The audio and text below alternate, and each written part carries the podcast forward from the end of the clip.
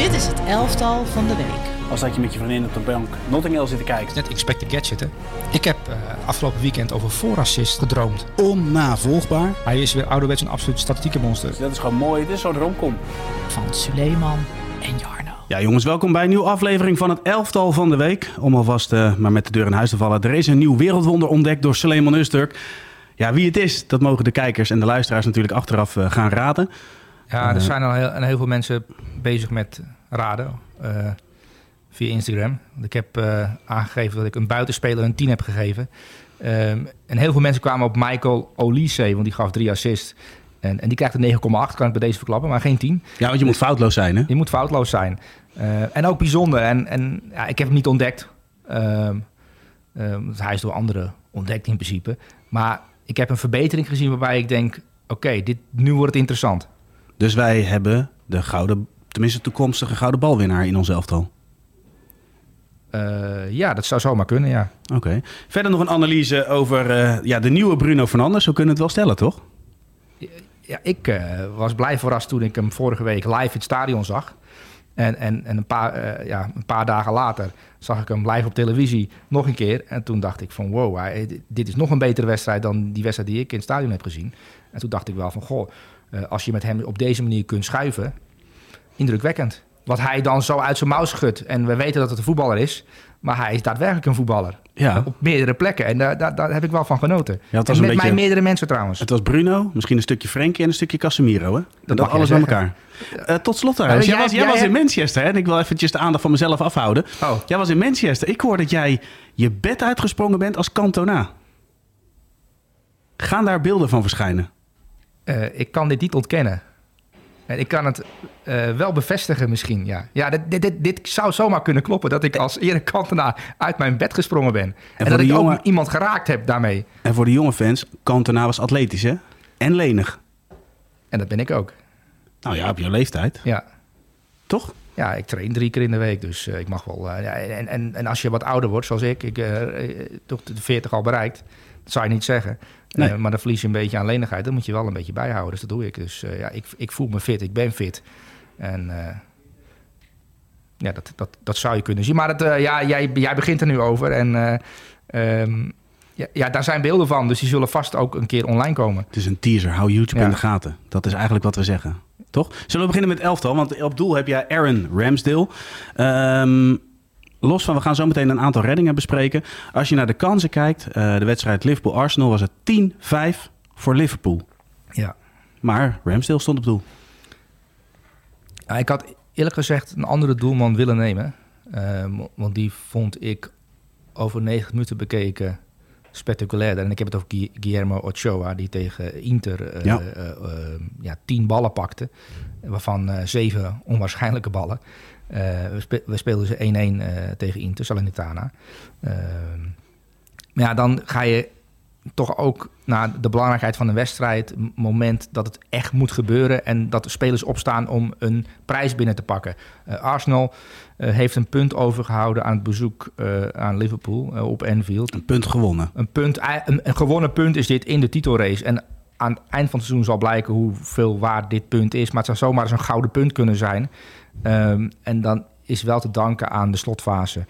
Uh, ja, en Aaron Ramsdale die, uh, die die bal uit de kruising tikt. Oh, die van Salah. Ja, van Salah inderdaad. Onwaarschijnlijke redding. En daarna ook nog, uh, vlak daarna ook nog een redding op de doellijn.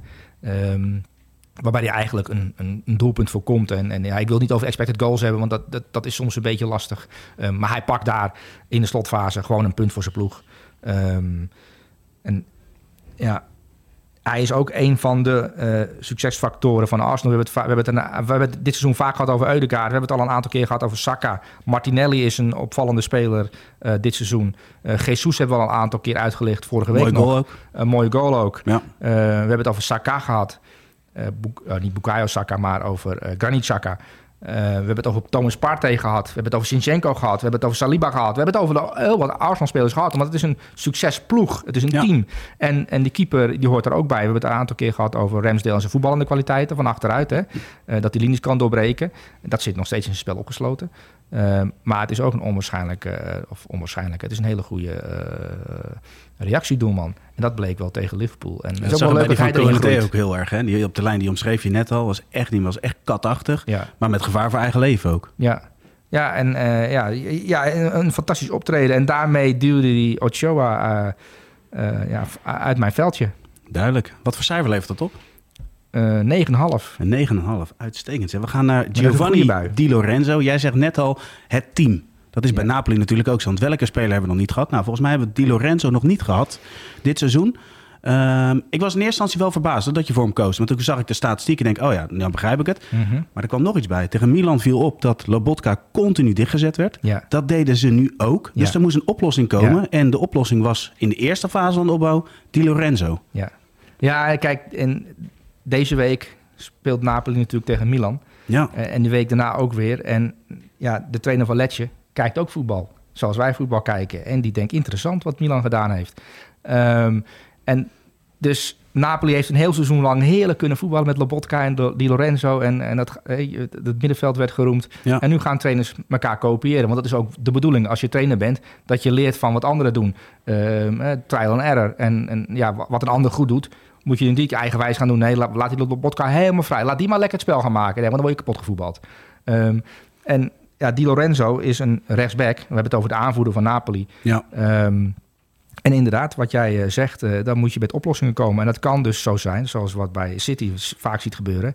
Ehm, John Stones, die naar binnen komt en ook het spel meemaakt. En als, als City de bal verliest, ook een soort van verdedigingsmuur is. Een extra uh, slot op de deur.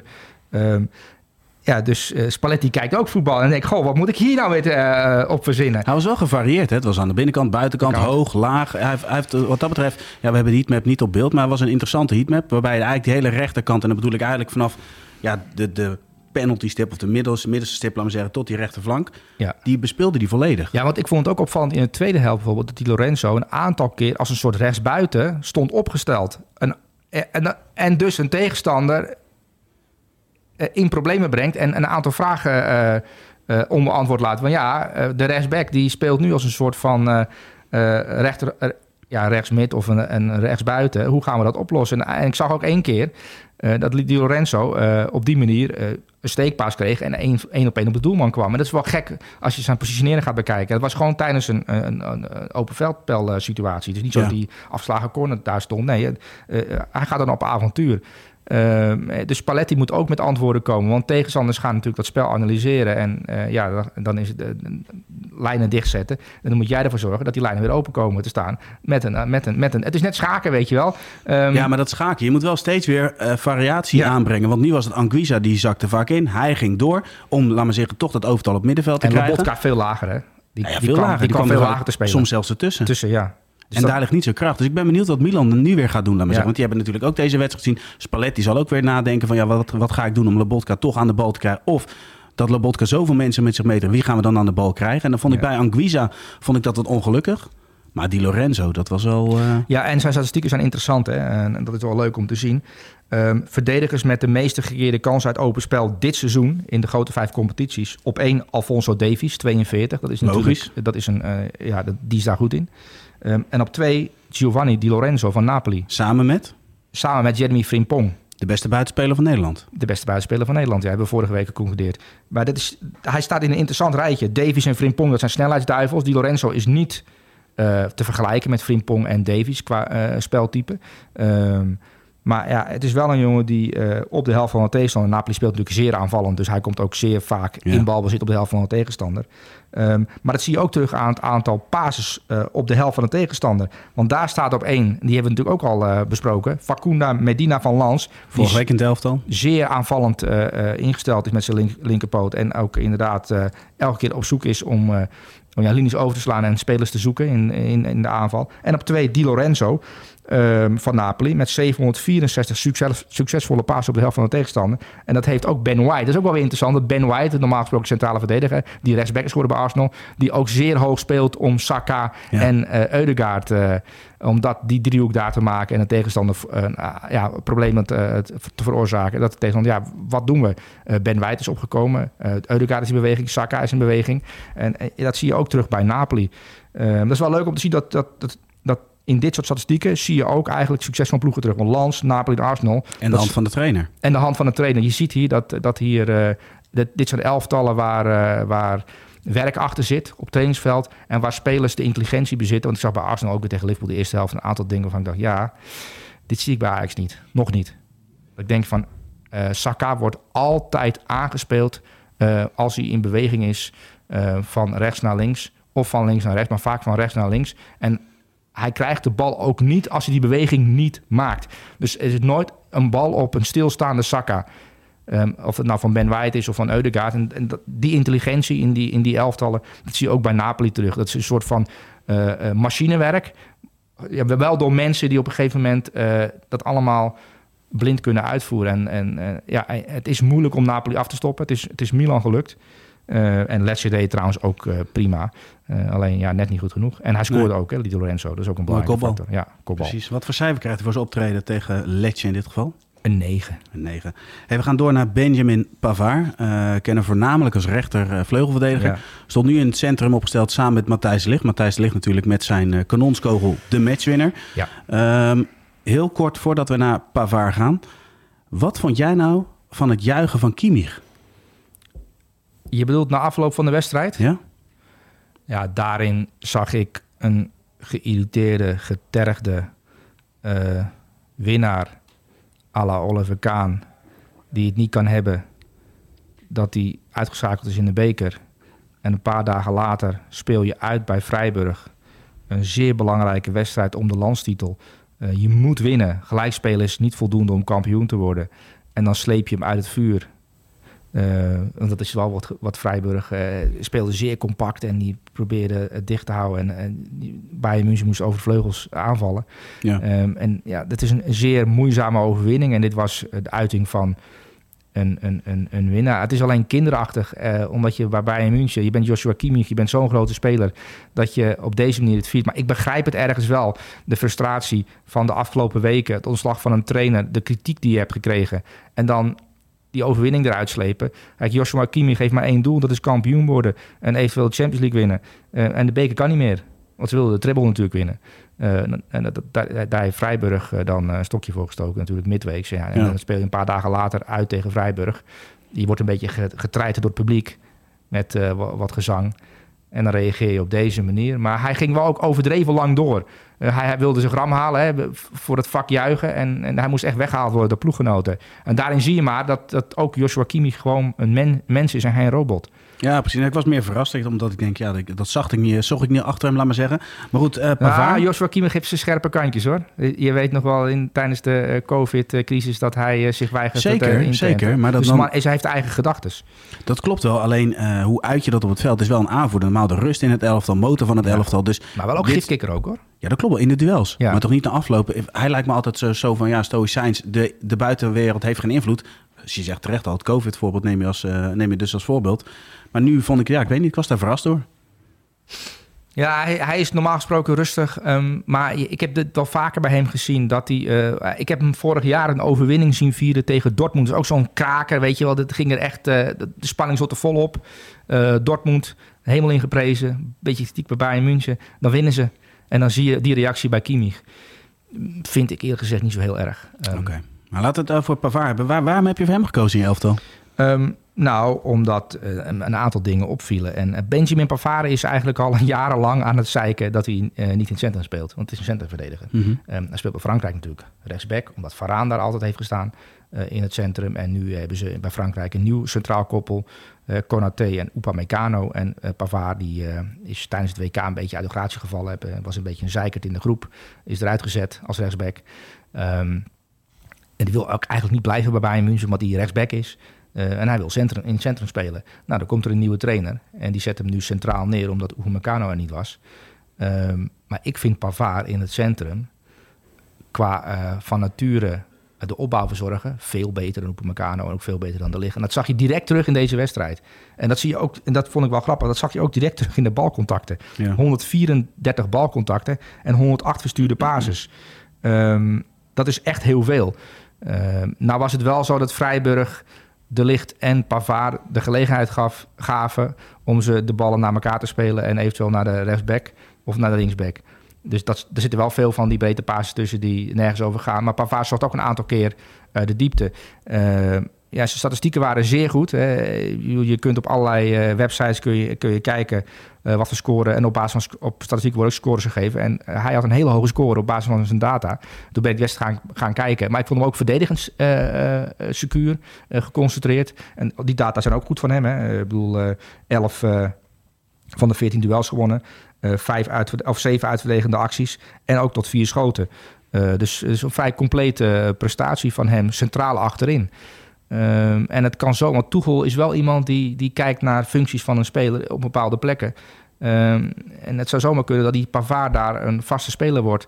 Want Toegel heeft natuurlijk ook beslissing genomen bij Chelsea. Dat je dacht van, goh, ehm, dat elftal wordt daar wel beter van. Eh, Frank Lampard was trainer en Tuchel wordt trainer in januari. En eh, er zijn wel een aantal dingen veranderd ten positieve voor een aantal spelers. En ja, je weet, je weet vast wel op wie ik doel bijvoorbeeld. Ja, zeker. Maar, maar als we nou hier teruggaan. Hè? Want jij, jij, jij geeft aan van oké, okay, dit kan een positieve verrassing zijn. Maar straks tegen Haaland, tegen de snelheid, ruimte in je rug. Heb je de licht? Ja, maar heb je daar op elkaar ook niet voor nodig? Ik denk dat je wel kwetsbaarder wordt aan die kant. Ja, kijk, natuurlijk. En, en Upamecano. Uh, maar het is ook, ik vind het ook wel goed, eerlijk gezegd... dat een trainer kritisch kijkt naar uh, spelers... en ook rekening houdt met de wens van spelers. En Pavard is een centrumverdediger. Daar is hij van overtuigd. Hij heeft het geweldig gedaan als, als back. maar ik vind het niet een hele goede rechtsback. hij kan redelijk goed voetballen. Maar in het centrum heeft hij, zoals Alaba bijvoorbeeld bij Bayern München... links centraal, dat was een openbaring um, onder Hansi Vliek toen werd Bayern München, toen was Bayern München speciaal en, en, en bijzonder. En hadden tegenstanders toch moeite om uh, een antwoord te vinden op dat voetbal van achteruit met Alaba. Maar hij komt toch ook vaak in, in het centrum uit? Bij Nagelsman was dat zo ja, dat Davies hoog op moest en dan kwamen ze met drie centralen. Ja, maar dat, dit is toch, ik denk dat hij uh, vanuit uh, het centrum, en ik denk dat Thomas Tuchel daar ook naar op zoek is, vanuit het centrum... Um, aan de, met de bal aan de voet, als opbouwer, als spelmaker, dat hij daarin zo belangrijk kan worden dat Bayern München weer wat lastiger te bespelen uh, wordt. Want ja, we hebben het er, ik heb het een aantal keer. Ja, ik heb, ik heb echt een aantal keer naar die defensie zitten kijken. Ik vond het zo voorspelbaar achterin. En ik vind het met Pavard nu wat minder voorspelbaar, omdat hij ook ballen geeft. Um, op uh, Musiala, op Gnabry. Op, nee, dat zeker. Op, Absoluut. Op, op, op Müller. Um, en als er straks een goede spits staat, die, die uit de bal komt, of die, die uit de spits komt op een spoeie spits, dan, dan kan Pavard daar wel eens een belangrijke, cruciale factor in zijn. Alleen ja, dan moeten ze hem wel overtuigen om te blijven. Uh, en het moet Tuchel hem dat perspectief geven voor de komende seizoenen. Want Meccano is van nature, die moet het, dat is voor hem wel een opgave, goed voetballen. En voor Pavard is dat eigenlijk iets natuurlijks. Uh, voor hem is dat wat jij schetst, het, het verdedigen van Haaland, is voor hem wat lastiger. Want ja, dan, ja. dan zal hij inderdaad er minder goed uitzien. Maar dat zijn keuzes die je maakt. Uh, en hoe wil je voetballen? Maar Bayern München speelt wel echt heel erg ver. Ook deze wedstrijd. Soms met 60 meter in de rug. Hè? En dan speelden Pavard en De Ligt staan eigenlijk met z'n tweeën uh, 20 meter over de, over de middenlijn. En dan uh, Alfonso Davies is weg. En als Cancelo speelt Cancelo weg. Ja, dan moet je ook goed kunnen voetballen. En als je de bal krijgt, dan oplossingen zien. Maar goed, dat beeld zullen we tegen Manchester City niet zo snel zien. Nee, dat denk ik niet, uh, Heel kort. Denk je dat uh, Pavard en De Ligt opgewassen zijn tegen Haaland? Misschien staat hij wel in je elftal trouwens. Wie zal het zeggen? Zijn Pavard en De Ligt opgewassen tegen Haaland? Um, nou ja, kijk, naar Haaland kijken is merkwaardig... omdat er eigenlijk niet zoveel gebeurt. Als je gaat kijken naar uh, balcontacten. want Haaland analyseren is vrij makkelijk. Dat zijn, dat zijn vijf, zes momenten per helft ongeveer. Uh, um, en dat is ook wel leuk, maar daar komen we straks op. Want dat vond ik echt een zeer interessante statistiek. Um, uh, hij, hij is, we hebben hem vergeleken. Uh, Misha, die heeft hem vergeleken met alle wereldspitsen van dit moment. Um, en hoeveel balcontacten ze nodig hebben. Die Haaland ja, komt uit bed. Die doet zijn shirt aan. Die heeft de bal niet geraakt. En die heeft er al twee in liggen. En dat is mysterieus. Hoe kan dat? Nou, dat gaan we straks verklaren. Dat is wel interessant. Ja, en kunnen de licht en de pavaar hem afstoppen? Uh, hij is vrij lastig af maar je te kan stoppen. dus niet afstoppen, want hij doet niet mee. Hij doet niet mee. Dus hij is inderdaad scoort niet wel. af- Ja, hij, hij scoort wel. Um, en dat is ook weer gebleken afgelopen weekend. Dat hij er weer, uh, weer twee in heeft liggen. En hij heeft er nu 30 in liggen, 44 in totaal. En, en de meeste tegenstanders hebben eigenlijk geen idee waar ze de slag verloren hebben. Um, want ze hebben hem niet gezien. Ja, Jeetje. Dat is lastig hè? Jezus, we zijn weer diepzinnig bezig. Nou, we zijn helemaal niet diepzinnig bezig. Je hebt het, monster van, het monster van Loch Ness. Als je naar Schotland gaat, gaat iedereen gaat kijken op dat meer. hè? Ben je wel eens, ben je wel eens in Schotland geweest? Nee. Nou, als je naar Schotland gaat en heel veel toeristen die nemen dan zo'n bus. En ik heb ook eh, heel- jaren geleden in zo'n bus gezeten. En dan ga je naar het monster van Loch Ness kijken. Maar dat monster bestaat helemaal niet. Maar toch staat er borden monster van Loch Ness. Je gaat foto's nemen van een meer en iedereen maakt dezelfde foto. Je hebt zelfs een fotomoment, spot, weet je. Dan kan je staan en dan kun je een foto maken. En, en dat monster kan elk moment uit water uitkomen. Maar dat kon geloven mensen. Nou ja, eh, maar dan gaan mensen speciaal Maar voor jij het monster. vergelijkt hij dus eigenlijk dus met Haaland. Je zegt, joh, Haaland bestaat eigenlijk niet, maar hij scoort wel. Ja, gek verhaal hè? Ja. Cijfer voor Pavard. Eh, eh, negen. hey, we gaan naar een, eh, een speler met wel een hele mooie voetbalnaam trouwens hoor. ja, fantastisch. Sebastiano Luperto. Zeg ik het goed? Ja, en ook in een mooie uiterlijk. Nou ja, Uh, Lange haar, weet je. Weet mooi je duo met de Belg Kevin de Winter. Koning de Winter. Hm? Koning de Winter. Koning de Winter, excuus. Kevin de Winter, hoe kom ik daarop eigenlijk? Geen idee. Oh, Kevin Winter was een amateurvoetballer. Ja. Hele goede amateurvoetballer, sorry. Maar goed, eh, we wijken, eh dwalen af. Ehm Luperto, mooi duo met de Winter in dit geval. Een typische verdediger. Dat zie je in alles. Ja, Maar echt verdedigen. ja. ja hij stond natuurlijk eh, op Origi. En, het- en later, Later op Giroud. later Giroud. En dat zijn wel dankbare spitsen voor eh, het type Luberto. Die sterk in de duels is, kopkrachtig is. ehm, die die duels ook heerlijk vindt om eh, aan te gaan. Eh, en dan speel je natuurlijk bij, bij Empoli uit in San Siro. En ja, Luperto was een van de opvallendste spelers. Ehm, eh, als je de statistieken bekijkt, 9 van zijn 11 duels gewonnen, 5 van zijn 7 kopduels gewonnen. En alleen Koning de Winter, dat is wel een inter- in- interessant te spelen. En daarom heb ik Luperto ook genomen vanwege het duo. Eh, Koning de Winter is 20 jaar, dat is een Belg. Goeie speler. Ja, dat is een groot talent al Zo. vanuit de jeugd van Juve. Heeft die, net zoals we hebben nu ook een Nederlander bij Juve zitten, die, eh, waar veel over eh, wordt gezegd. En Ja, Dienhuizen.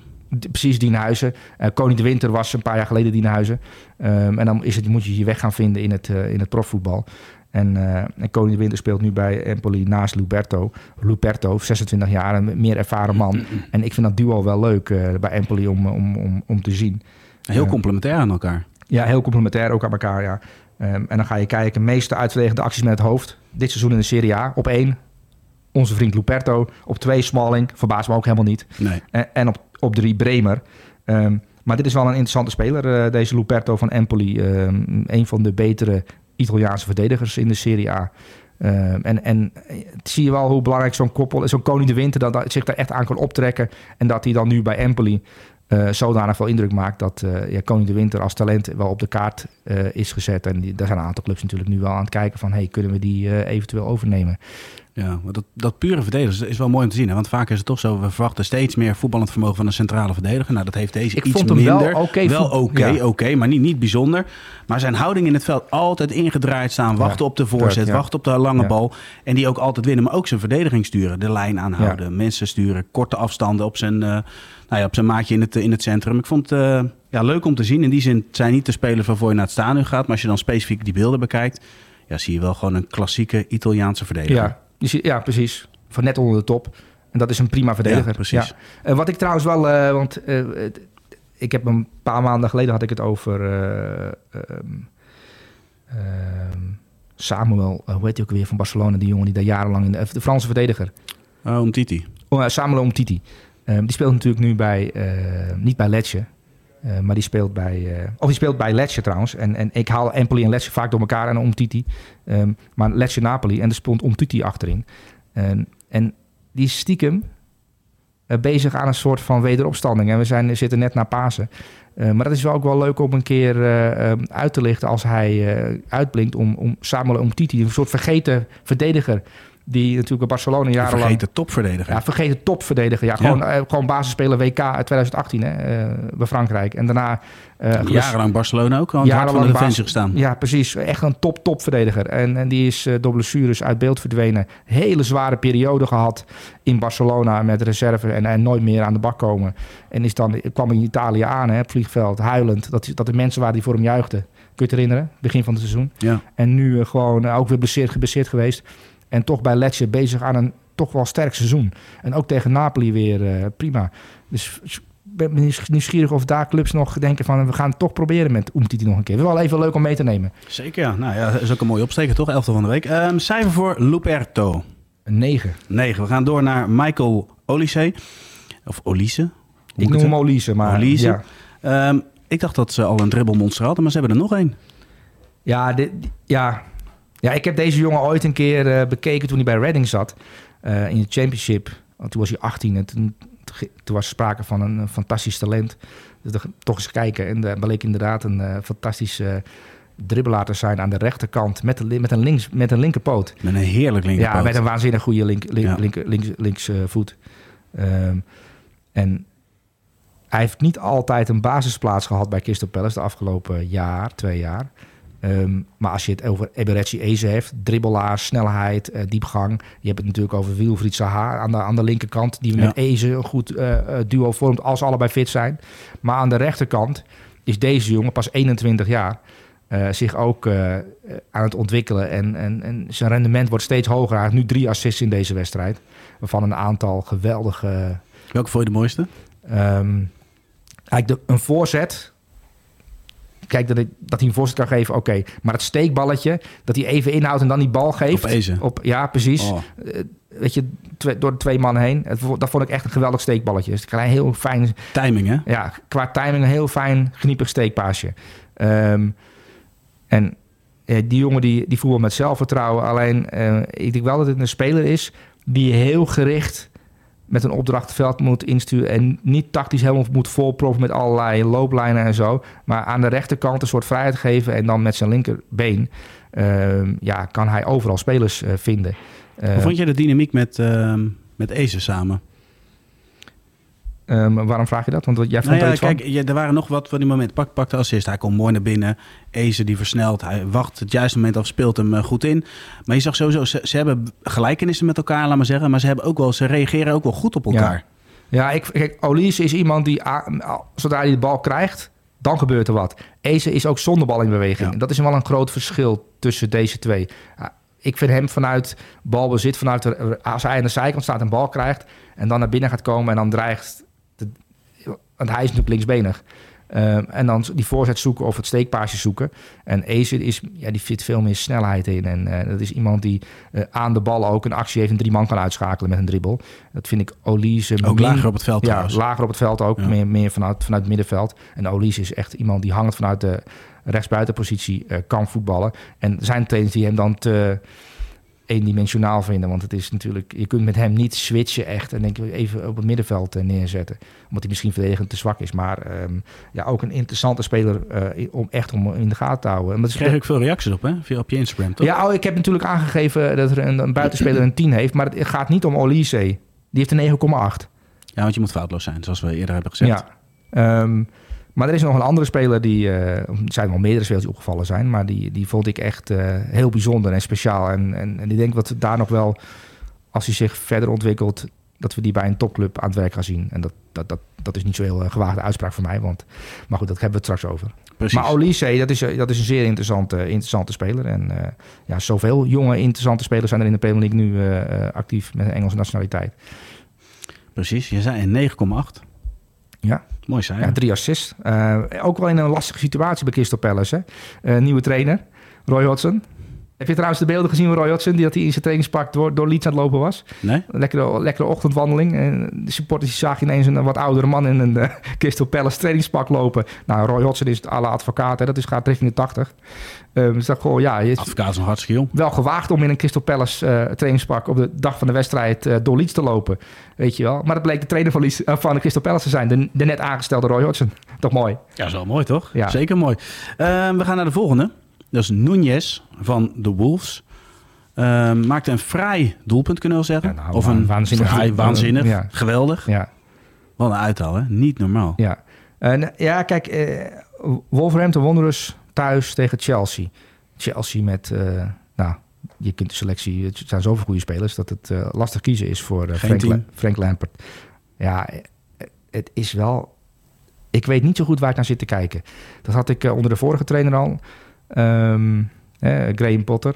Ja, zowel in positieve als in negatieve zin. Want we hebben op een gegeven moment ook een fase gehad... Als, dan liep die linkerkant dat je denkt van... jeetje, dat, dat Ja. loopt gestroomlijnd. En dan een week later is het helemaal niks. Ja, maar ik vond Ben Chilwell de laatste weken bijvoorbeeld heel erg eh, in vorm. En ik denk, nou, weet je wel, die, eh, die, die, dat, dat werkt wel daar aan die linkerkant. En dan moet je va- vanuit daar gaan verder werken. Want Ja. Ben Chilwell is positief, eh, een positief element. ook belangrijk bij standaardsituaties. Die zou ik erin houden.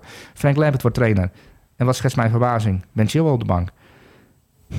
Ja, daarmee breek je wel wat af ineens. Want er werd iets opgebouwd en dan breek je dan af. En dan moet weer en dan Frank na afloop van een persconferentie. We gaan het zo over Matthäus Nunes hebben. Um, dat hij net nieuw is en dat hij nog even moet wennen aan... Uh, de spelers moeten aan hem wennen en hij moet aan de, aan de, aan, aan de, aan de spelers wennen en andersom. Dan denk ik van ja, er zijn nog acht wedstrijden, negen wedstrijden te spelen. Je speelt tegen Real Madrid in de Champions League de komende week. Weken, twee weken. En je hebt geen idee wat je, niet verkeerd zijn. je hebt geen idee wat je aan het doen bent. Nee. Dat is toch bijzonder, wel zorg, zorgwekkend in, in deze fase van het seizoen. Maar ja, met Graham Potter ging het ook niet. En, en, dan, en dan kijk ik naar Enzo Fernandes. En dan denk je van, jeetje, Mina, ah, wat jammer dat hij niet bij Benfica meedoet. Uh, uh, nog steeds, het eind van het seizoen.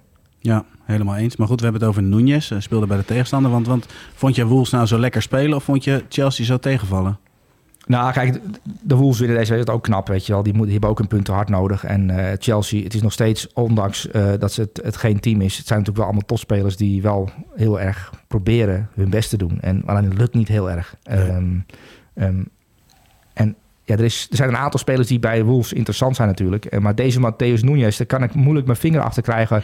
wat voor speler dat nou is. Omdat hij uh, veelzijdig is. Hij is en... Um, hij heeft veel diepgang als, uh, als, als middenvelder. Uh, hij heeft ook kalmte in, in, in, in balbezit. Uh, hij heeft scorend vermogen. verdedigend ook sterk. Hij is verdedigend ook sterk. Dus ja. ik zeg tegen, hij doet me een beetje aan Bruno Guimaraes denken. Ja, dat snap ik wel, ja. ja dus het is een speler die, die, die, die waar je alle kanten mee op kan. Wat een wedstrijd een beetje vraagt. Oké, okay, Matthäus Nunes, we, we hebben een goal nodig. Oké, okay, dan ga ik wat gedurfder en wat avontuurlijker naar voren spelen. Uh, maar ik, ik zie hem ook ballen geven over 70 meter. Zo uit de losse pols. Dan denk ik van, ja, hij kan wel voetballen. Um, en ja, ik, daarom verbaast me ook niet dat, uh, dat Liverpool... dat Jurgen Klopp zo'n fan is van deze jongen. Want ja, ja, dat is wel echt een kwaliteitsspeler. Alleen, ja, bij de Wolves wordt hij omringd en het is elke keer net anders. En ja, wat voor speler is het nou precies? Ik denk dat dit, echt een speler kan worden dat je over twee jaar denkt, wauw. Um, ja, maar jij zegt Liverpool, dat, dat, dat is op zich al een, een uh, leuke gedachte. Want ik denk dat hij de positie van Henderson rechts op het ja. middenveld, dat zou hij heel goed kunnen. Ja. En dat, druk dus- zetten, dynamiek, ja. goed aan de bal. Nou, nou, daarom is de interesse van Liverpool ook wel heel erg verklaarbaar. Omdat hij precies die kwaliteiten heeft die we net beschreven hebben.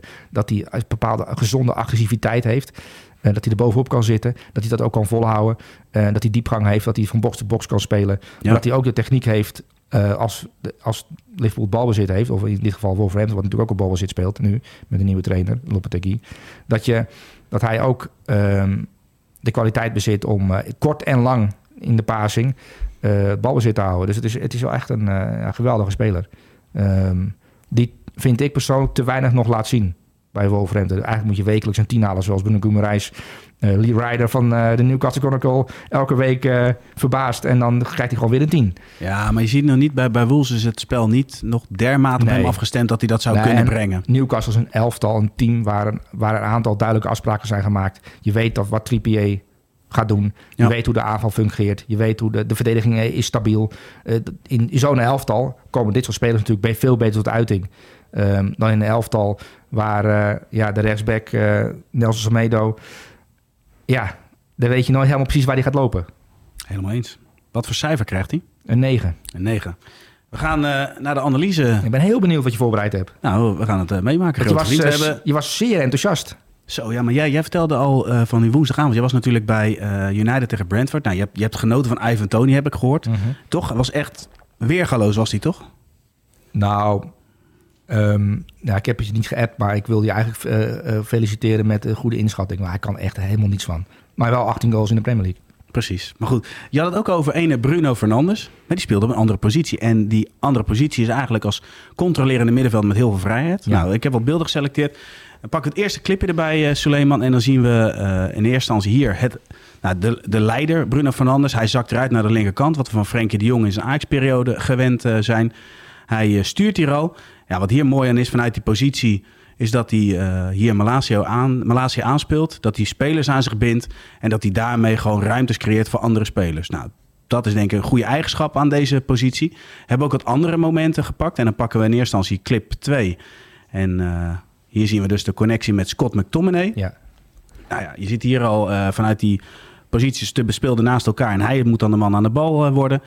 Hier zie je hem aan de bal komen. Uh, was een ingezakt uh, Everton. En toch zie je vanaf hier, en dat is wel het verschil met, met Frenkie de Jong bijvoorbeeld, directheid. Kans Rashford, geen doelpunt, maar hij kan vanuit elke positie, en dat ga je hier zo zien, kan die beslissend zijn. Hier, vanuit de positie, is die ineens aan de rechterkant. Geeft hij een geweldige voorzet. Helaas ook geen doelpunt, maar weer een kans gecreëerd. Nou, hier zie je dat dus. En dan ga je verder, dus eigenlijk naar het volgende moment. En dat, dat vond ik wel heel interessant. Het verdedigen. Want daar ga je dan toch naar kijken van ja, in hoeverre past dit? Nou, dit is een uittrap. En dan kom je uh, zometeen, uh, op het moment valt die uittrap. Hij staat er in het midden en hij weet ongeveer waar die bal gaat vallen. Je ziet ook dat hij al omringd wordt. Maar het inzicht dus van waar gaat die bal vallen. En vervolgens komt hij aan de bal en dan zie je de surplus aan kwaliteit. Hoeveel mensen er ook omheen staan, Souli. Hier vandaan ook. Hij draait weg, handelt snel. En dus eigenlijk vanuit Dit verdedigen... Op Anthony? Ja, niet normaal. Ja, dat was een waanzinnige bal. Ja. Dat is echt een waanzin. Maar alle componenten bij elkaar. Dus vanuit het verdedigen heel snel kunnen schakelen naar het aanvallen. Ja, dat is gewoon top. Hier, dit is ook een mooi moment. Hij is al aan het nadenken van hij verwacht hier gaat uh, zometeen de bal veroverd worden. Je ziet hier al de lijn met Anthony. Hier speelt hij tussen de linies aan. Dat hij wisselt. Hij heeft lange paas, korte paas. Nou, en het volgende moment, uh, dus uh, hier loopt hij zo door. Anthony, hup, tussen linies aangespeeld. Normaal gesproken is hij de speler die er aangespeeld wordt. Dus hij voelt het ook uitstekend aan. Maar ik vond vooral dit stukje, het verdedigen richting het aanvallen, vond ik het meest ja. interessante. En dat maakt wel dat het een, een, ja, een boeiend experiment is. Want Ten Hag wil altijd een creatieve speler naast een controleur hebben. Ja. Alleen nou wil ik van jou weten, nu stond hij naast McTominay. Dus ja. dan heb je creativiteit nodig. Ja. Straks speelt hij weer naast Casemiro. Is dat dan een duo of niet? Is dit een blijvende positie voor hem? Ik denk wel dat het een interessant experiment is of dit kan werken. Want wat jij er nu uitlicht um, van de, in de wedstrijd van de, tegen Everton... Um, dat zijn wel interessante momenten, want hij heeft de drie P's. Hè? Wat we zeggen, uh, ja, ja. Positionering, Positionering, passing en persoonlijkheid. Ja, de drie P's, dat zijn de drie P's van Co Adriaanse, was dat toch uit die periode? Oh nee, dat verzin ik. Dat zijn de drie P's okay. van, uh, van mijzelf. Oké, okay, oh, dat zijn jouw drie P's. Ik zal tegen Co Adriaanse zeggen, joh, ze zijn van Oh, had Co Adriaanse ook de drie P's? Volgens mij wel, ja. Oké. Okay. Uh, dat, uh, ja, dat is mij even ontgaan. Dan, dan In zijn periodes hoofdjeugdopleidingen bij Ajax. Okay. Volgens mij had hij toen over drie P's. Gaan oh, we checken. dat het tips was, altijd. Tips. Oh, ja, misschien heb je wel gelijk. Ja. Techniek, inzicht, persoonlijkheid, snelheid. Ja, ja, dat is weer wat anders. Maar ja. ja, dit, zijn gewoon, dit zijn de drie P's van mezelf. Uh, dit verzin ik net ter plekke. maar uh, ja, hij heeft de drie P's. Ja. Um, maar Bruno Fernandes, die is natuurlijk... Ja, we hebben natuurlijk in Portugal gezien en ook in zijn, ja, bij, bij United. Dat is iemand die in de buurt van de 16 ziet waar spelers staan, staat. En um, eigenlijk niet bezig was met verdedigen. Um, als zodra uh, de tegenstander de bal had, liep hij eigenlijk, shockte hij min of meer terug. En dat druk zetten deed hij ook niet altijd perfect. Maar je ziet wel dat dit een jongen is die in controle is van als hij de bal heeft, waar moet een bal heen? Nou, hij is wel echt, ja, echt een geweldige voetballer. En soms, kijk, Luca Modric is ook al team begonnen. Uh, is lager op het veld terechtgekomen. Um, het kan zomaar zijn. En het zijn, bij Inter is ook een Brozovic bijvoorbeeld. Ja. Was ook niet een, een, een speler zoals hij nu is. Of de afgelopen jaren is geweest. Dat is Spalletti heeft dat voor hem bedacht. Dat hey, maar jij kan misschien daar spelen. Het kan zomaar zijn dat... En dat vind ik het leuke van Ten Hag. Dat, dat, dat is af, in zijn vorige job ook gebleken. Dat hij uh, spelers beter kan maken door ook ze uit te dagen om uit die ja, comfortzone te komen. Want ja, het is voor Bruno Fernandes natuurlijk wel een comfortzone op 10 spelen. Uh, maar zo naast Casemiro kan misschien wel een dynamiek gaan ontstaan. Dat je niet 90 miljoen hoeft uit te geven aan een speler die naast Casemiro kan spelen. Maar dat je met Bruno Fernandes daar. En Eriksen trouwens ook, die weer terug is gekomen ja. van de blessure. Uh, die daar natuurlijk ook op zijn manier uh, naast Casemiro voor. samen met Lisandro Martinez voor een bepaalde passing zorgde. En een aanvoer naar voren toe. richting Rashford. Maar ik vond hem afgelopen weekend echt een openbaring op die plek. Dat ik denk, jeetje, dat eerste half uur was er echt fenomenaal. Ja, maar toch probeer ik wel in, in de gedachten van ten te kijken van... joh, is het nou... Kijk, als je naast McTominay, dan, dan ben je eigenlijk... Uh, dan heb je iemand nodig, want anders ben je creatief impotent, toch? Want dat, dat ja. is gewoon... Dan heb je gewoon bijna geen, geen spelmaker in de buurt. Nu hij daar staat, is een logisch gevolg. Maar ik ben nieuwsgierig of hij dat straks ook uh, met Casemiro... Dan ga je terug weer, toch weer terug naar zijn eerste periode bij Ajax. Schöne is ook een goede voetballer, comfortabel ja. aan de bal. Frenkie Jong, dat was een uitstekend duo. Ja. Dus ik geloof wel dat dat iets zou kunnen gaan worden. Met ja. weliswaar wel veel vrijheid. Waar Frenkie de Jong heel laag komt, zal hij vaker wel wat hoger komen te staan. Want Frenkie de Jong eindigde niet als rechtsbuiten of als linksbuiten... om daar vandaan ook voorzetten te geven. Ja, kijk, je moet zoeken naar... Het middenveld is zo belangrijk. Je moet een middenveld hebben waarmee, uh, waarmee die verdedigers comfortabel zijn... Dat ze, dat ze die ballen kwijt kunnen. In dit geval Maguire en Lisandro Martinez... Uh, de backs moeten uh, comfortabel zijn om te bewegen, want die bal komt wel of niet. En die bal komt ook goed. Um, maar de zoektocht naar het ideale middenveld, dat was bij Ajax ook altijd zo met Ten Hag. Hè. Er speelde die Mexicaan en, en Lisandro Martinez weer op middenveld. Uh, Alvarez en Martinez heeft hij een tijdje mee gesukkeld in het begin van het seizoen. Maar het is, het is altijd zoeken naar voor het elftal de ideale veldbezetting. En Bruno Fernandes, als je dan naar data gaat kijken, um, dat is een speler die dit seizoen in alle grote competities de meeste kans heeft gecreëerd uit open veldspellen. Dus je hebt niet de, de, de vrije trap en de corners erbij meegenomen. Op één Bruno Fernandes, op twee Jago Aspas, op drie Kevin De Bruyne, op vier Lionel Messi en op vijf Vinicius Junior. Dat is nogal een rijtje. Dat zijn de beste spelers ter wereld. En dan Jago Aspas is dan een, een, een beetje... Ja, maar dan gaan, dan gaan de kritische kijkers gaan dan zeggen... ja, maar toen stond hij op 10 en creëert hij dus die kansen. Maar dat was afgelopen weekend, creëerde hij ook heel veel kansen. Ja, nee, precies. Maar hij is dus iemand die um, overzicht heeft um, en weet wie waar staat. Um, en kennelijk dus ook wel bezig is, als hij hoog staat, niet met, uh, is hij niet zo gedisciplineerd in het verdedigen. Althans, het was hij niet, dat is wel meer geworden. Um, maar het moment wat jij eruit pikt, dat hij inderdaad al uh, la Casemiro een soort van inschat van hey, die bal, die uittrap gaat daar komen, die bal gaat wel daar, kan daar wel eens vallen.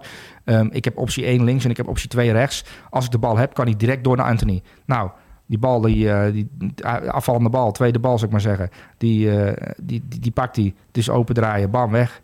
En het is een kans. Ja, maar het klinkt zo simpel. Maar je zag hoe die ingesloten nou, werd. maar dan moet je dus... Um, ah, je verdedigt een goede inschatting maken. Je moet overzicht hebben. En je moet ook de techniek hebben om het uit te kunnen voeren. Want hij kan ja. het ook wel uitvoeren. Want niet elke speler kan dit zo precies uitvoeren.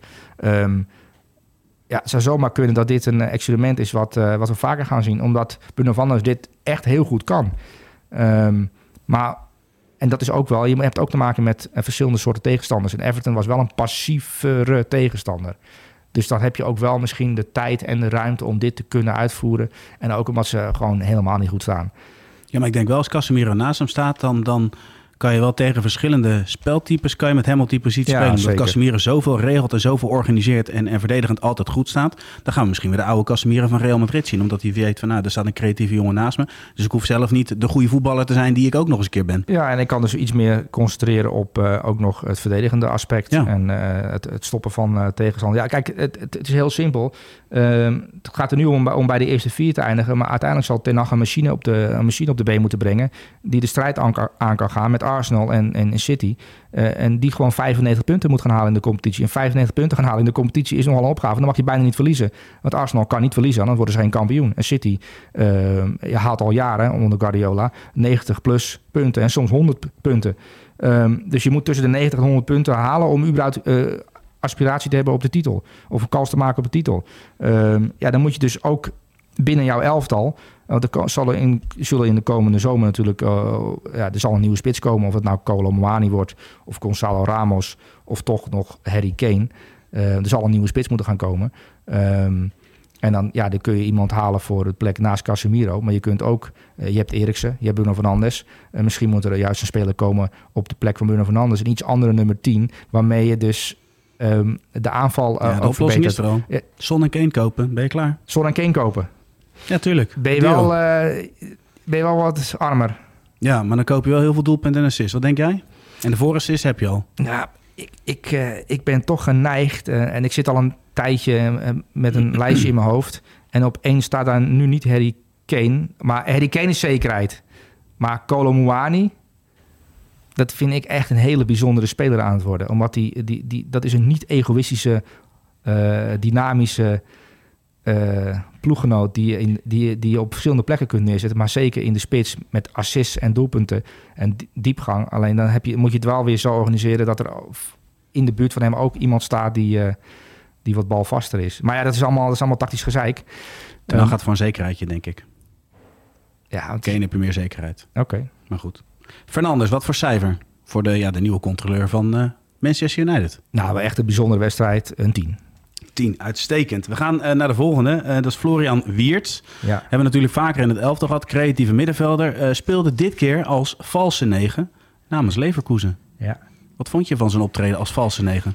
Nou, ehm, nou, dat speelde hij vorige week ook. Ehm, toen had ik hem ook al opgeschreven. Ehm, omdat dit, we hebben het vaak over de grootste talenten ter wereld. En daar rekenen wij Jude Bellingham toe. Daar rekenen wij Pedri toe, Musiala toe, Gavi toe. Noem Ja. nog eens een paar namen. Dat zijn de grootste talenten ter wereld, hè. En dan vergeten we de Saka. Ehm, Maar Florian Wiertz is natuurlijk een jaar uit de relatie geweest met een kruisbandblessure. Uh, maar die heeft eigenlijk statistisch gezien de beste cijfers van al die gasten. Uh, qua creativiteit. En als je naar Florian Wiets krijgt, die, hij speelt ook een beetje met uh, die sokken omlaag. Uh, maar als hij in balbezit komt, is het alsof hij totaal geen druk voelt. Wie er ook om hem heen staan. Hij, hij is ook altijd aanspeelbaar. En hij doet mij een beetje denken aan uh, de vroegere Mesut Özil van Duitsland... die dan ook de creatieve spark was. Ja, Totaal iets, andere speler. dynamischer. Ja, ja, ja, hij speelt dynamischer en, en, en anders. Maar dit gaat een jongen worden die die op 10 gaat spelen bij, de, bij Duitsland. En je, en je moet gaan concurreren met Musiala. En in Duitsland hebben we Wiers en Musiala. Uh, dat is lekker. Ze kunnen ook allebei spelen, dus allebei een halfzone. Ja, en een, eentje vanuit de spits wellicht. En, en dat kan ook nog. Ja. Uh, maar Florian Wiers, dat is een jongen die net terug is van een blessure... en nu langzaamaan in vorm begint te komen. Ehm, maar die gaat ook alle statistieken omverblazen in de Bundesliga. En ja, die kan al naar Bayern München, weet je wel. Want die, ja, dit, dit, wordt gewoon een topspeler in de Bundesliga. Ja, ik uh, moest zelf heel erg aan Liverpool denken. Zoals Firmino speelt, kan hij ook. Ja, ik vind hem.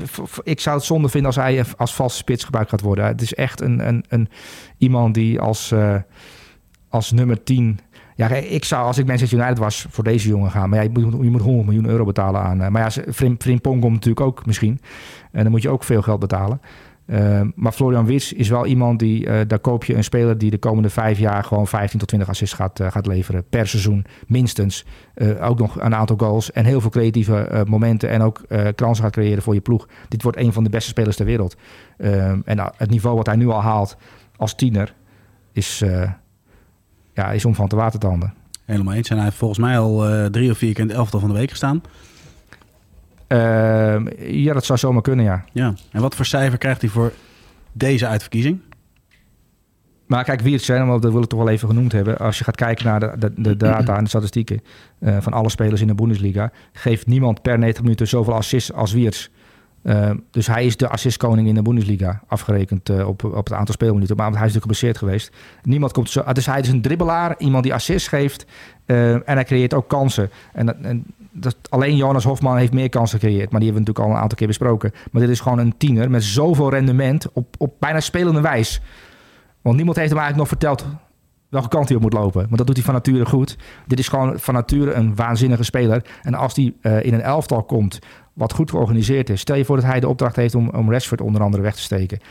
Voor hem wordt Old Trafford dan een speeltuin. Dit is een, dit, is een, dit is een speler, dat kan echt een fenomeen worden in een goed draaiend elftal. En daarom um, Bruno Fernandes naast Casemiro, Wirtz op de plek van uh, Bruno Fernandes, Frimpong op de plek van Wan-Bissaka. En je hebt een elftal dat 100 punten kan halen.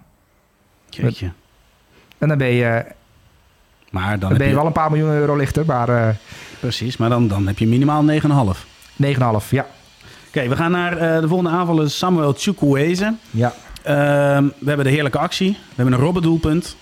Maar dit is niet de 10 waar jij het over had, hè? Dus qua cijfer. Nee, dus niet de 10 waar ik het over had, nee. Maar het is wel een geweldig optreden van Samuel Chukwueze in Bernabeu tegen de arme Nacho. Die, die helaas uh, Chukwueze tegenover zich had, die, die de laatste weken erg in vorm is. En die had er zin in. Maar die uh, tweede goal, Sully, ja. dat is de Rob als in zijn beste, in, in zijn beste tijd. Ja, hij wordt... Samuel Chukwueze is natuurlijk al een aantal jaar nu bezig in La Liga bij Villarreal. En ja, hij wordt al jaren vergeleken met Arjen Robben omdat hij natuurlijk als linkspoot vanaf die rechterkant heel graag naar binnen komt. Uh, ja, en, en nu en dit keer een wereldgoal maakte. Um, ja, het is wel een speler die natuurlijk al een aantal keer bekeken is door de topscouts. Moeten we hem wel of niet nemen als rechtsbuiten? Uh, hij zit nog steeds bij Villarreal. En dat komt ook om Villarreal ook een bepaalde... Wat houdt ze tegen, denk je? Het, het is net niet machinaal genoeg. Dat het, qua Salah is een machine. En iedereen gaat toch kijken naar... Ja, rechtsbuiten moet ook topscorer kunnen worden van jouw ploeg. En zit er in Chukwueze 15 goals en 15 assists? Dat is natuurlijk heel, dat is een beetje de vraag. Omdat het te vrijblijvend kan zijn in zijn geval. Um, ja, het is natuurlijk nog steeds een jonge jongen. En in zijn laatste zeven competitiewedstrijden heb ik hier genoteerd. Vijf goals en drie assists. Dat is wel de aantal die je moet hebben. Um, maar je moet er elke wedstrijd zijn. En niet alleen een keer tegen Real in Bernabeu. Uh, dit moet een dragende speler worden van, van jouw elftal. En, en, zodra, hij dat wordt bij Villarreal, dan, is hij, uh, ja, dan wordt hij ook interessant voor de topclubs. Ja, precies. Maar dan, dan gaat het ook om een stukje continuïteit. We hebben natuurlijk in de periode dat Don Juma bij Villarreal speelde... hebben die club ook wat uh, nauwlettender Ja. in de gaten gehouden. Maar dan zag je ook nog wel eens wisselingen in speelsystemen. En dat is voor hem wel heel bepalend. Want of hij nou tweede spits is of dat hij echt Ja. aan die rechterkant speelt. Het is een dribbelaar die, die, een back op moet zoeken. En dat zie je ook in zijn spel. Hij, hij dribbelt nooit van een back af. Hij dribbelt al- altijd naar de back toe. Dus in dit geval Nacho. Ja. En dan de actie naar binnen toe op, op doel of buitenom en voorzet. Het is, een, het is een buitenspeler. En als hij wordt gedwongen om in de halfspace eh, tactische dingetjes te doen van de trainer... dan eh, ontstaat er een soort van kortsluiting. Want het is met de rug naar de goal geen bijzondere voetballer. Het is een jongen die, die, die gericht op een back eh, de actie moet aangaan. En het is gewoon een geweldige dribbelaar. En dat blijkt ook uit de data. Het is een van de beste dribbelaars in, eh, in, in Europa. Ja, maar goed, dat de Dribbelen is, dribbelen is zijn talent. Zeker, maar dat zouden scouts wel mee moeten nemen in een oordeel. Dat je zegt van oké, weet je, hij moet een, een minimaal aantal assists, goals, eh, weet je, zoveel dribbles. Maar Ja. de positie is voor hem wel heel bepalend of Ja. het wel of niet lukt. Ja, hij, hij zou eh rechtsbuiten moeten staan ergens. Ehm, in een eh, soort van 4-3-3 of eh, 4-2-3-1, weet je wel. Ehm, zoals Anthony bijvoorbeeld bij United aan de rechterkant speelt. Ehm, Precies. Maar ja, dit is wel een... ja, het was een fantastisch optreden natuurlijk. Ja, en wat levert dat dan op? Zijn optreden tegen Real Madrid? 9,5. Geen Negen. 10. Geen 10, terecht. Ehm, dan de volgende speler, hebben we het al even over gehad. Eh, dat is de spits die scoort, maar eigenlijk niet meedoet. Ja, verklaar je nader. Nou, omdat... eh, kijk, als je City zit te kijken... en eh, Haaland doet natuurlijk wel mee. want je, ja, hij loopt over het veld heen. Maar hij beweegt natuurlijk altijd weg van de bal. Altijd. En, pro- en heeft een periode geprobeerd om hem in de bal te krijgen... maar die, dat, daar zijn ze geloof ik van afgestapt. Doe dat maar niet meer, Eurling. Je zag hem een tijdje, eh, net na het WK... Dat je, dat je hem helemaal op eigen helft de bal zou ophalen. Ook, eh, dat heb je, wel- dat heb je wel meegekregen, toch? Ja, zeker. Dat, dat moet Haaland helemaal niet doen, joh. Dan denkt de tegenstander ook, wat gaat die gozer nou doen? Die, ga- die, gaat, de, die, gaat, die, gaat, eh, die gaat de bal halen. Ehm, wat je in deze wedstrijd zag, Southampton, uitwedstrijd van City. Ehm, heb je Haaland vaak gezien? Niet echt, hè? Ehm, en, maar als er een bal van de zijkant komt van Grealish bij de tweede paal... dan staat hij er. Dan maakt het een verdediger lastig. Eh, en eh, en ja, hij is altijd bezig met waar gaat de bal. Hij valt ook die ruimtes ook aan. En zijn ploeggenoten, Grealish begint er nu lol in te krijgen. Dat zie je ook. Ehm, en Kevin de Bruyne trouwens ook. Om hem te zoeken. Want die eerste goal die hij maakt, op- dus op aangeven van Kevin de Bruyne. Ja. Ehm, die kopbal, dat is een gewone voorzet en een gewone kopbal. Dat is niet heel bijzonder. Eh, de omhaal is natuurlijk wel heel bijzonder. Die Grealish geeft, het is eigenlijk gewoon een verkeerde bal van Grealish. En Haaland die, die, die maakt daar iets van en die maakt er iets heel moois van. Ehm als speelde hij een, een, een fabelachtige, fantastische wedstrijd... waarbij je op het puntje van je stoel zat... omdat je gaat hij nooit spelen. Nee, maar dat is wel. Want eh, ik hoorde jou eh, voorafgaand aan dit item ook al zeggen van, dat je natuurlijk met je zoontje naar City zou willen om de Haaland Experience mee te maken, toch? Zeker, ja, absoluut. Ehm, maar dan moet je dan natuurlijk wel uitleggen aan je zoontje. Maar ik neem aan dat jouw zoontje vaak voetbaluitleg krijgt van jou als je op de bank samen zit te ja, kijken. ik vaker van hem. Maar, oh, jij eh, vaker van hem. Oké. Ja, ja, FIFA-generatie. Hij kent alle statistieken en Oh, zo. ja. En eh, de, de skills. Hij is heel goed in skills. eh. Maar je zit te kijken naar een soort van eh, voetbalspook à la Roy Mackay. Die, die, die vooral bezig is met niet voetballen en, en, en uiteindelijk scoren. Maar dat is toch juist wel leuk om naar te kijken. Jij zegt Ja, van, oké, je, ziet hem vaak niet in beeld. Maar als je goed kijkt, eh, de regie heeft altijd de, de, de, de man aan de bal heeft hij natuurlijk gecentreerd in beeld. Ja. En dan moet je eigenlijk, als je het beeld naar voor je hebt, linksboven, rechtsboven, ergens daar, of links, rechtsonder, rechtsboven, ergens daar beweegt hij. Dan zie je iets bewegen, iets groots. Maar dat is juist super interessant, want voorheen was er altijd een heel team was in beweging. Nu zie je gewoon tien man in beweging en eentje, ah, die doet gewoon zijn, zijn ding. Ja. Ik vind het wel interessant om te zien. Ja, ja en, en ik heb een hele leuke statistiek eh, meegenomen. En ik, ja, die hadden we eigenlijk in beeld moeten brengen, misschien. Ehm, maar uh, Erling Haaland vergeleken met andere topspitsen.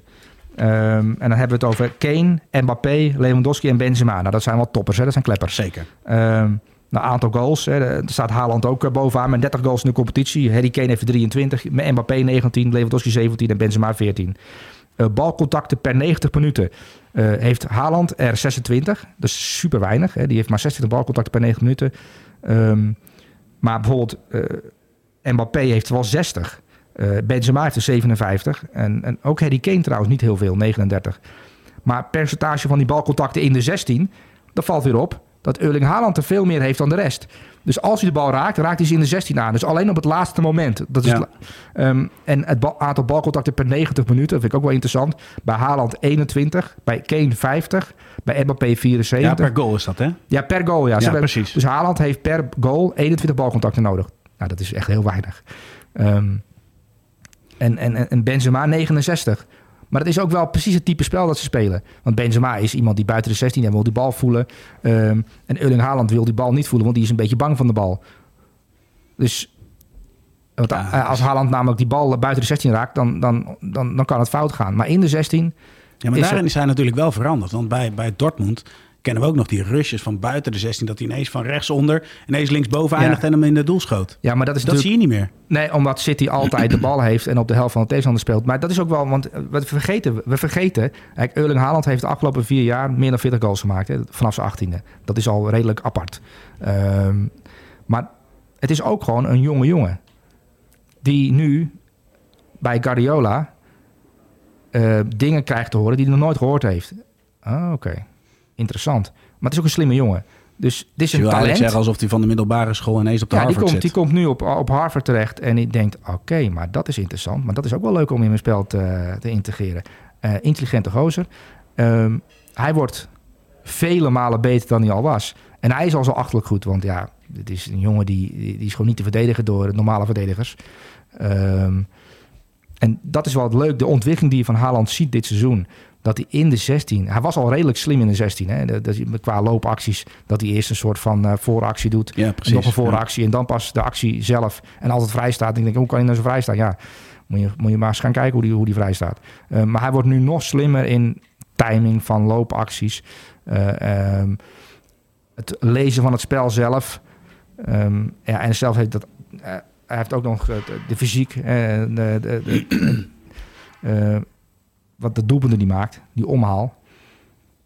Ja, bizar. dat goed, is- je hebt het over dat atleet. slim zijn, hè, maar zijn loopacties gaan op een dermate hoge snelheid. Dat Ja. is ook niet te verdedigen. Nee, nee, nee, het is niet te verdedigen. Er zit, er, zit, er zit intelligentie in die loopactie en fysieke kracht en snelheid. Ehm, dus ja, dat, dat, is, dat, is, dat is vervelend. En ja, je kunt hem alleen afstoppen als team. ehm, en hopen dat eh, City eh, dat niet er vijf in vorm zijn. Als Grealish in vorm is en jou voorbij loopt en dan Haaland gaat uitzoeken. Want als Haaland uitgezocht kan worden, dan scoort hij. Ja, Want aan van de ballen blind naar de 16 pompen. Stel je voor, je zet hem eh, op is de een kans. ja, nou is wel ook wel een kans, maar dan is hij, dan is wel, daar is hij wel minder goed in. Als je hem uitzoekt, bewust, zoals Kevin de Bruyne hem uitzoekt, ja, dan loopt hij ze zo binnen. Ehm, maar als je voorzetten gaat geven, eh, gewoon ongericht, ja, hij kan op zich niet zo goed koppen. Ja, hij kan wel goed koppen. Ehm, Ja, maar toch alles wat binnen die 11 meter valt vanuit de lucht... of alles wat hard naar de tweede paal gaat, is een kans met Haaland. ja, is, zeker, ja. ja. En dat is, dat is wel... Ik kijk, ik kijk trouwens wel echt enorm uit naar het duel Haaland tegen De Licht en ja, Upamecano of Pavard. Dat, dat is nog even afwachten. Ja, dat wordt heel Kijk erg er gefocust, uit. gefocust op, op dat, op een soort bokswedstrijd tussen Haaland en De Licht. En dat is het natuurlijk niet. Met momenten wel. Want Haaland gaat ervoor zorgen dat De Licht hem nooit... Haaland gaat ervoor zorgen dat hij nooit in duel komt met De Licht. Ja, maar in de eindfase komt het wel zo. Als, die, als eh, City over links doorkomt, dan beweegt hij contra van de bal. En dan, en dan komt hij uiteindelijk in de zone van de licht terecht. Ja, Maar dat is pas in de eindfase. ja. En daar kijk ik wel echt naar uit. ja, dat zijn we Ja. allemaal onze behoeftes als mensen. ja. Oké. Maar goed, zullen we een cijfer geven voor het optreden van afgelopen weekend? Ah, ik vond het niet zo goed. Een 6,5. 6,5. 6,5, ja. 6,5. oké. Ik vond het niet zo goed. Laagste cijfer wat je ooit hebt gegeven. hey, we gaan naar de laatste eh, speler. En, en, en wellicht eh, is het niet aan mij om deze... we hebben nog geen 10 gegeven. Nee, maar die komt er denk ik wel aan. Want jij hebt een... Ja, eigenlijk een soort nieuw wereldwonder heb je gezien, toch? Nou, ik was echt met stomheid geslagen. Introduceer de speler even. Ehm, nou ja, dit is een speler die, die onder Koeman debuteerde bij Barcelona. Ehm, een, een, een Marokkaanse jongen. Ehm Abde S of Abde S Azouli. Ehm, eh, onder Koeman gedebuteerd. Xavi heeft hem toen ook een keer linksbuiten eh, opgesteld. En toen zag je wel van, hey, interessant. Leuke buitenspeler. Ehm, maar dit seizoen op huurbasis actief bij Osasuna. En Osasuna heeft ehm, deze maand ja, de bekerfinale gehaald. Ze spelen in, op 6 mei in Sevilla spelen ze de bekerfinale tegen Real Madrid. Voor hem, ja, hij is er wel blij mee, want dan mag hij spelen. Want tegen Barcelona had hij niet mogen spelen. Ehm, maar nu tegen Real Madrid... Uh, ja, want hij wordt gehuurd van Barcelona. Hij wordt gehuurd van Barcelona. Het is een speler van Barcelona. Barcelona heeft hem gekocht voor 2 miljoen euro van uh, Hercules Alucante. En er was toen heel veel gezeik over. Want ja, bij Barcelona zeiden ze van, wat moeten we met hem? En dat is een aankoop van Ramon Planes, die nu vertrokken is. Uh, op de laatste speeldag gehaald. Um, en ja, het is een onwaarschijnlijke dribbelaar. Kijk, we hebben het over Samuel Chukwueze en het talent is dribbelen. Deze jongen kan echt onwaarschijnlijk goed dribbelen. En dat blijkt uit de statistieken, want het is nu uh, in de Spanje de beste dribbelaar. Hè? Als je gaat kijken naar per 90 minuten. Op 1 El Zouli 3,7 dribbles per 90. En dan, geslaagde. Geslaagde, ja. Dan Chukwueze en dan Vinicius Junior. Dus hij staat in de top qua dribbles in La Liga. En het is echt een jonge jongen, 21 jaar. Um, en vooral na het WK. Dus hij is na het WK meegegaan. Nou, daar niet opgevallen natuurlijk, want uh, geen basisspeel. Want er speelde een andere geweldige dribbelaar. Boeval. Boeval speelde op, de, op die plek.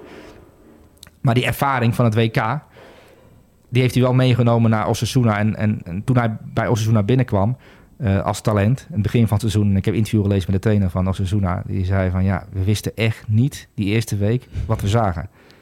Die, die jongen die à la Messi acht man voorbij dribbelt... Uh, uit het niets gewoon zomaar. Je, omdat je, echt onwaarschijnlijke voetballer. Um, alleen, ja, dan hadden we de bal niet. En dan moesten we wel gaan vertellen dat we Osasuna tegen degradatie spelen. Um, en dat het toch ook wel, wel handig is dat je af en toe gewoon als linksbuiten wel mee terugloopt. Dus daar hebben ze enorm gevecht mee moeten aangaan. Um, maar het gevecht aangaan met zo'n creatieve jongen, die aan de bal zo onwaarschijnlijk goed is, dat moet je dan accepteren dat het verdedigend, ja, dat, dat, dat, daar, dat daar iets tegenover staat. Kijk, Mbappé, er staat ook iets tegenover in zijn rug. En dat geldt ook voor deze jongen. En ik vind het wel leuk, want we hebben dit seizoen uh, Mitoma zien doorbreken bij Brighton. Oh, een heerlijke speler. Fantastisch. We hebben, we hebben Kvaratskhelia zien doorbreken bij Napoli. Maar ik kreeg hetzelfde gevoel, Mitoma en uh, Kvaratskhelia gevoel... kreeg ik bij deze jongen en zijn optreden tegen Elche afgelopen weekend. En, en die weken daarvoor, hij is, hij, is, hij is al week in bloedvorm. Uh, hij heeft ze ook naar de finale van de Koppelderij geschoten. Um, en jij was onder de indruk van die goal die hij maakte. Hè? la ja, Luis Figo, dribbelen en dan bam, kruising. Nou ja, Figo, stilistisch gezien, ik, zag, ik snap de overeenkomst ook wel. Weet je, maar inderdaad, trap, dribbel, overzicht en nou, pure rust en controle uitstralen. Dat, dat is eigenlijk en in het ook, kort. Um, op welk moment dan ook en op welke plek dan ook de bal vragen en gaan. Gewoon durven, doen. Uh, echt, dit is de ultieme straatvoetballer die, die hier bij uh, Osasuna speelt. En het is, en er gaat heel veel talent, wordt eigenlijk zo door de goot gespoeld, omdat ze dan in een topclubomgeving terechtkomen zie Madueke bij Chelsea. We gaan maar kijken waar hij ooit een keer uh, op verschijnt. Ja, maar... Dit zijn jongens die hebben minuten nodig bij clubs als Osasuna. En dat is wel... Uh, en ik hoop dat Xavi hem al een, een, paar appjes heeft gestuurd. Zo van, je bent echt goed bezig jongen, dit willen we zien van je. Um, want hij gaat een concurrent worden voor Ansu Fati vanaf komend seizoen. Uh, voor Barcelona 1. Dit niveau heeft hij langzaamaan, is, is hij aan het aantikken. Ja, maar daar moeten we toch ook naar kijken. Want natuurlijk, ik, ik snap wel van je moet minuten maken. Hij moet veel spelen, hij moet zich ontwikkelen. Weet je, al, al die... Tuurlijk, helemaal ja. logisch. Weet je, je moet niet te snel naar topploeg gaan. We hebben het vaker over gehad. Op het moment dat iemand opvalt, stel ik altijd de onnozele vraag aan jou. Van, waar zijn we graag uh, zien spelen? Maar toch, ja, heel lullig. Hij komt dus van Barcelona, wordt daar gehuurd. Uh, wordt gezien als een groot talent. Je gaat dan wel een beetje inbeelden van, ja, hoe ziet dat eruit? Maar als je nou de wedstrijd van Osasuna bekijkt. Elke keer als hij aan de bal was, twee, soms drie, altijd twee of drie om hem heen, toch? Mm -hmm. ja, moet, je eens kijken wat dat bij Barcelona zou gaan doen. Ja. Dat zie je nu te weinig. Op het moment ja. dat je daar echt weer een dribbelaar hebt die, die continu spelers bindt, gevaar zorgt, dan moet je eens kijken hoe, hoe goed die andere jongens om hem heen gaan spelen. Ja, nou, als deze jongens zijn kop erbij houdt. Uh, want dat dribbeltalent, dat is wel echt onwaarschijnlijk. Dat, heb ik bij, dat zie ik bij weinig spelers in Europa. Hè. Bij de top 5 Europa, de allerbeste voetballers ter wereld. Uh, dit is gewoon Vinicius Junior uh, kwaliteit qua dribbel. dit is Kvaratskhelia talent, Mitoma. Dat, dat, die, die laag, weet je, gewoon de allerbeste dribbelaars van dit moment. Daar hoort deze jongen bij. Alleen hij speelt bij Osasuna. En ja, je zal maar Osasuna seizoenkaarthouder zijn. Je mag deze jongen aanschouwen een seizoen lang. Hij is prachtig, man. Zo'n zo geweldige voetballer. Um, die steeds beter wordt ook. En waarvan teamgenoten ook... Uh, hij wordt ook onder handen genomen door die, die wat ervaren jongens van Osasuna. En Osasuna doet het echt heel goed dit seizoen. En we hebben het al over een andere speler gehad van Osasuna. Uh, de nummer 10 die uh, ook als valse spits kan spelen. Ehm, maar deze linksbuiten is een speler om te koesteren. En daar, het is wel leuk om uit te kijken nu naar de, naar de, de bekerfinale. Omdat we dan hem als groot talent aan het werk kunnen zien tegen Real Madrid natuurlijk. Ehm, Osasuna doet ook mee in het linkerrijtje in Spanje. Uh, en het is ook uh, ja, voor Marokko wel leuk. Hè. Ze hebben een geweldig WK gehad. Dat deze jongen er aan de linkerkant zit aan te komen. Op de plek van Boeval. Ik hoop voor Carvajal dat hij er klaar voor is. Uh, ja, maar dit is, dit is geen leuke opdracht hoor. Als je nee. tegen hem staat en, en, en, hij heeft er zin in. Um, want je moet maar echt, ja, je moet maar eens erin in induiken, dat, dat bij Osasuna. Maar hij schijnt op de trainingen de meest onwaarschijnlijke dribbles eruit te gooien. En, en ja, ik ben heel benieuwd waar zijn plafond zit qua uh, wekelijks bij een top 10 presteren. Wat denk je? Ja, ik, ja, ik, ben, ik denk dat Xavi hier wel iets mee kan met dit talent. Uh, aan de zijkant van Barcelona. Als deze jongen aan de bal komt, is het gewoon alarm. Bij welke verdediger ter wereld dan ook. Want um, ja, hij gaat je voorbij. En hij durft je voorbij. En, en keer op keer opnieuw. Um, het is echt een dribbelfreak, monster. Een fenomeen. Ja, een Mooi fenomeen. Ja. Nou, echt een, heel, een geweldige speler. En uh, um, ja, ik, ik ben er al een aantal keer op gewezen, omdat, uh, de, kijk, we hebben natuurlijk veel uh, uh, jongens met Marokkaanse roots ook in Nederland lopen... die natuurlijk dit op de voet volgen en die, die, die dan Osasuna wekelijks bekijken om Esselzouli te zien. Zoals wij Frimpong bekijken, wordt hij natuurlijk ook bekeken. Ja. die zeiden, ja, je moet, daar moet je dus naar gaan kijken. Um, en ja, na zo'n prestatie als tegen Eltje, waarin hij echt... Je hebt ook genoten van hem. Ja, tuurlijk. De hele wedstrijd lang was, was briljant. De commentator, de Spaanse commentator, werd op een gegeven moment ook wel echt uh, enthousiast. Je zag ook het enthousiasme toenemen van jeetje mina, wauw, ik heb kippenvel op mijn armen staan. Ja, maar dat is toch hetzelfde. Je zit, je zit eigenlijk lekker ontspannen achteruit, zit je die wedstrijd te kijken en hij komt aan de bal en dan zit je gelijk een ja, van je stoel. Ja. Wat gaat er nu weer gebeuren? Want je, je wordt eigenlijk continu verrast. Want soms denk je van, ah, hij, hij gaat nu spelen. Nee, joh, gaat hij een dribbel aan en dan ja. komt hij eruit. Soms denk je van, ja, nu gaat hij dribbel aan. Nee, dan kiest hij weer de simpele bal. Hij verrast je ook steeds. Soms kun je bij spelers gewoon ja, nou ja, goed. Er zijn genoeg spelers. Als we naast elkaar zitten, zitten een wedstrijd te kijken van... die gaat nu dit doen en dan klopt het exact. Ja. Bij hem weet je het nooit. Kijk, Saka, Bukayo Saka... Die heeft, in, die heeft van jongs af aan geleerd in denk je rendement, looplijnen, tactisch goed staan, mee verdedigen. Dat is zeg maar de, de, de ultieme speler voor een buitenspeler voor een trainer. Mm -hmm. Dit is de ultieme nachtmerrie voor een trainer. Um, maar niet voor bepaalde trainers die denken... hé, hey, maar hoe kan ik dit talent benutten voor mijn elftal? En dat heeft de trainer van Osasuna goed gedaan. En dat heeft de trainer van Napoli goed gedaan. En dat heeft de trainer van Brighton ook goed gedaan. Um, en ja, het hangt er een beetje vanaf in wat voor elftal hij terechtkomt... en wat de trainer van hem verlangt. Maar ik denk dat Xavi en deze Abde... Uh, die natuurlijk onder hem ook al uh, gespeeld heeft... een beginperiode... en dit is voor hem fantastisch. Even een seizoen op huurbasis bij Osasuna. leren wat het is om op tijd te zijn, om uh, uh, prof te zijn, om uh, ook defensief te leren denken. Dat doe je natuurlijk niet bij Barcelona B of Barcelona. Ehm, dus er komt daar een speler binnen ehm, die Barcelona of heel veel geld kan opleveren. Want de hele Premier League zit alle achter hem aan natuurlijk, want ja, dat is een fenomeen. Ehm, dus ze kunnen hem verkopen en dan kunnen ze de schulden wegwerken eventueel, hè, om weer wat aankopen te kunnen doen. Of ze hebben er een prachtige linksbuiten bij, want ze hebben natuurlijk al best wel veel rechtsbuitens. met Rafinha, met Ousmane Dembele, met Ferran Torres. En alleen Ansu Fati voor links. Dan is dit, dit natuurlijk een heerlijke speler om erbij te hebben. En, uh, en wellicht is het volgend seizoen gewoon een basisspeler Barcelona als hij zo, zich zo doorontwikkelt. Ja, om de aflevering mooi rond te maken. Vorige week uh, gaf jij terecht aan van soms zijn coach, in het geval van Frank Pong met Koeman, die kijken naar de minpunten. Uh, de voorbeelden die je net noemt bij de creatieve buitenspelers, ja. die zijn dus echt aan de slag gegaan met de pluspunten. Um, ja, is, is dat ook wel een beetje waar, waar je nu op let bij trainers? Dat je denkt van oké, okay, weet je, je hebt, je hebt een speelwijze, je hebt, je hebt afspraken. Maar je moet altijd ruimte houden voor dit soort ja, briljanten, toch? Ja, tuurlijk. Ja, dit is, dit is...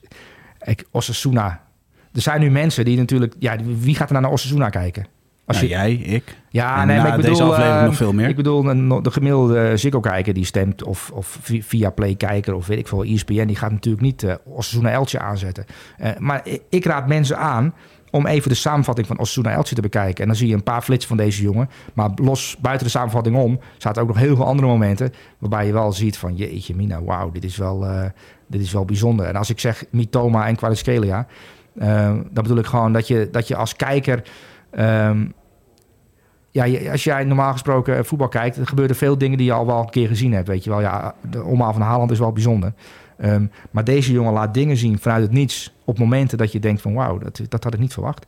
En, en daarvoor is toch ook waarom je uh, uiteindelijk langs het veld gaat staan om dat te zien. Of waarom je de tv uh, aanzet om, om, om, om je verrast te worden door dit soort uh, straatvoetballers. En gelukkig bestaan ze nog en komen ze nog door. En dat zijn toch de jongens die het verschil maken. Kvaratskhelia in de Champions League, uh, Mitoma in de Premier League... en deze Esselzouli voor Osasuna... die gewoon sinds jaren weer in een bekerfinale staan. Dat is heel bijzonder, hè?